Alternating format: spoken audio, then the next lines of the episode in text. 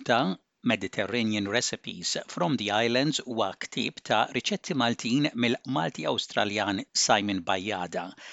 Illum Simon Bajjada joqgħod l-Iżvezja u kellimtu bit-telefon dwar dan il-ktieb. Billi Simon Bajjada twilet u trabba fl-Awstralja din l-intervista qed issir bl-Ingliż u matul l-intervista infisser fil-qosor bil-Malti dak li jgħid bl-Ingliż.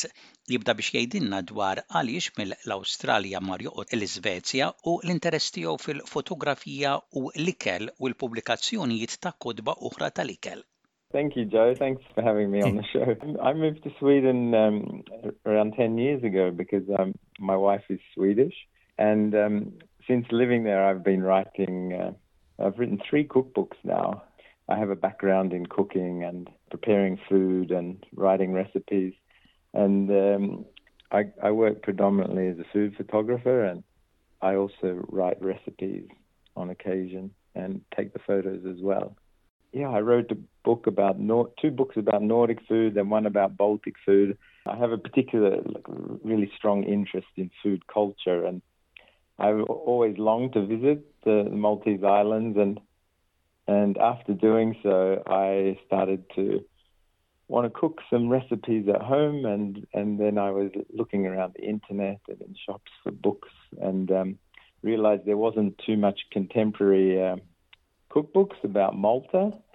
So that's when I started the discussion with Hardie Grant in Melbourne about the possibility of, of making a Maltese cookbook. Simon Bajada beda biex għalinna li mar joqgħod l-Iżvezja għaliex iżżewweġ Żvediża. Kemm ilu hemmhekk ippubblika żewġ kutba ta' riċetti tal-pajjiżi Nordiċi u ktieb ta' riċetti mill-pajjiżi Baltiċi. Għandu interess fl-ikel għaliex kien xef u fotografu wkoll. U mbagħad tħajjar jippubblika ktieb ta' riċetti Maltin. Staqsejtu mbagħad kif ħadem mal-pubblikaturi u marx Malta apposta. Oh yeah, no, I had been there already and uh, already done quite a lot of research. So I presented um, what I saw as some typical Maltese recipes to give them an example of of the cuisine and and listed like plenty more uh, dishes that I thought should be in the book. And yeah, and that that's when we started the discussion of of uh, going ahead with the book. Once the book um, was given the green light that's when I really dived in and started um, researching harder about what the dishes should be in there and ingredients they should include, etc. But you know, this is all very variable because one thing I found out about Maltese dishes is that a lot of them can have a very principle like base to the recipe, but many families make their own additions or edits to those recipes and make them in the way that they'd like to make them. Simon Bajada jgħidilna hemmhekk li meta il-ktieb kien aċċettat għal pubblikazzjoni minn Hardy Books, imbagħad beda r-riċerka sewwa ta' x'riċetti għandhom ikunu inklużi fil-ktieb għax sab li f'ħafna riċetti Maltin tradizzjonali għalkemm l-ingredjenti ewlenin huma l-istess, hemm ħafna varjazzjonijiet tar-riċetta. My, my objective was really to try and capture the traditional recipes. And I also included some recipes that were my take on like some of the ingredients you find in Malta. For example, I think there's the panna cotta recipe that's flavored with bay leaf and has carob and and then um, and the mulberries which are growing on the islands and you know just there's an, a recipe for example just with the jebenya cheeselets and tomato and capers that's I guess that's not a typical Maltese recipe, but certainly those ingredients are very typical Maltese. So there's a few recipes in there that are like a, just like some modern adaptations of of the ingredients in Malta. L-iskop ta' dan il-ktib Simon Bajada u għali iwassal riċetti tradizzjonali Maltin imma fil-ktib insibu wkoll xi riċetti li adatta sajmen ta' ingredienti komuni Maltin bħalma huma il-ġbejniet, it-tadam u il-kappar. Staqsejtu mbagħad dwar tfulitu fl-Awstralja u jekk il-ġenituri tiegħu kienux isajru ikel Malti. So the Maltese heritage is on my dad's side and um, a lot of I was born in Perth, and a lot of his family are in Perth, and um, he often cooked at home, and always Mediterranean food, and um, I think I learned a lot from the dishes he made, but more so when we visited Perth with with the larger family, and we have these big Christmas, big Easter, and everyone would have a, a contribution to the meal, and we're always uh, a big discussion is food amongst the family, and uh, I always noticed something was a little different with the Mediterranean dishes that we were eating because, you know, sometimes there'd be a spice and mint showed up a lot, um, capers and and things like that. And it became really evident to me on my first visit to Malta that all this food that I had eaten as a child was was stemming back to to Malta, to this heritage that we have through these recipes. And even though they weren't 100% traditional Maltese recipes, there was always some similarity um, that I found when I when I visited there. You're part of the community that we know here in Australia, the Maltese of Egypt. That's right, yes. They were living in Alexandria. And their background, did you manage to find anything about their background? I've spoke with some people in Malta and um, immediately when I mention my name, they say I must be from Xagħra. Xagħra. Uh, Xagħra, sorry. and um, I, I, actually was researching uh, orange blossom water. I had read that um, that the art of making that was dying out, and I really was interested in documenting it.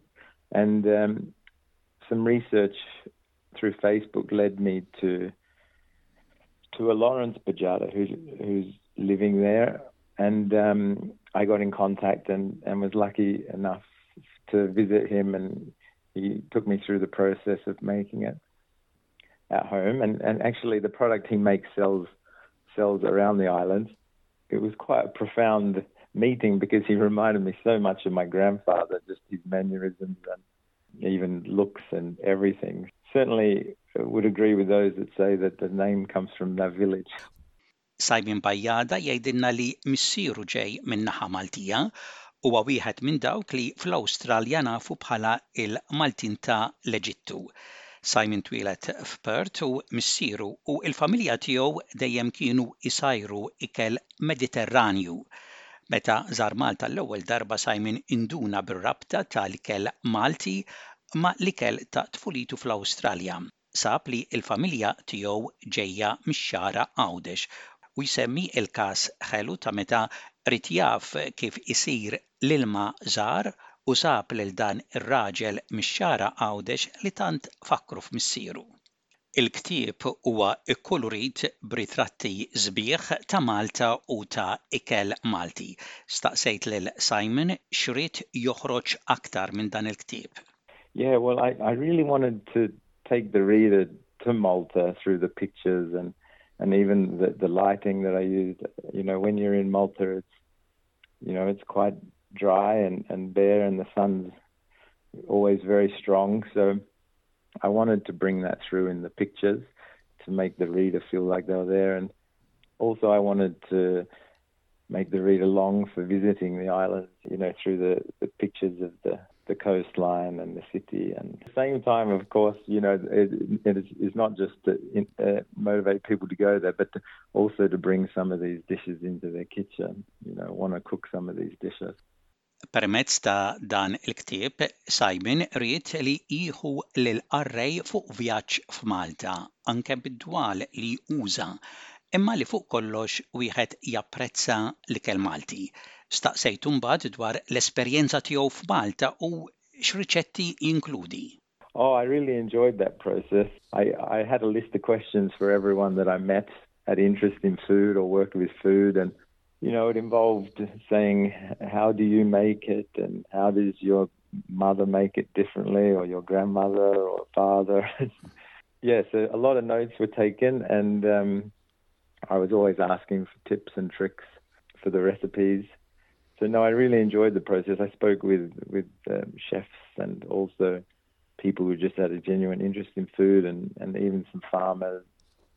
Like I mentioned earlier, there's some of those these little modern adaptations, but there's not too many. And then yeah, I just really wanted to choose recipes that typify the the cuisine. So there's the pasta section. There are a lot of pasta dishes in Malta, but there always seems to be a little twist, you know, like with the um, uh, vermicelli pie.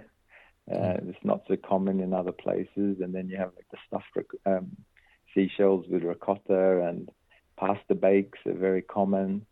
Uh, you know, you can buy them in the little tin foil containers all over Malta for lunch. So that's the pasta chapter, and then there's the meats chapter. Obviously, you have the, the classic rabbit and braciole, those like um, heavier dishes.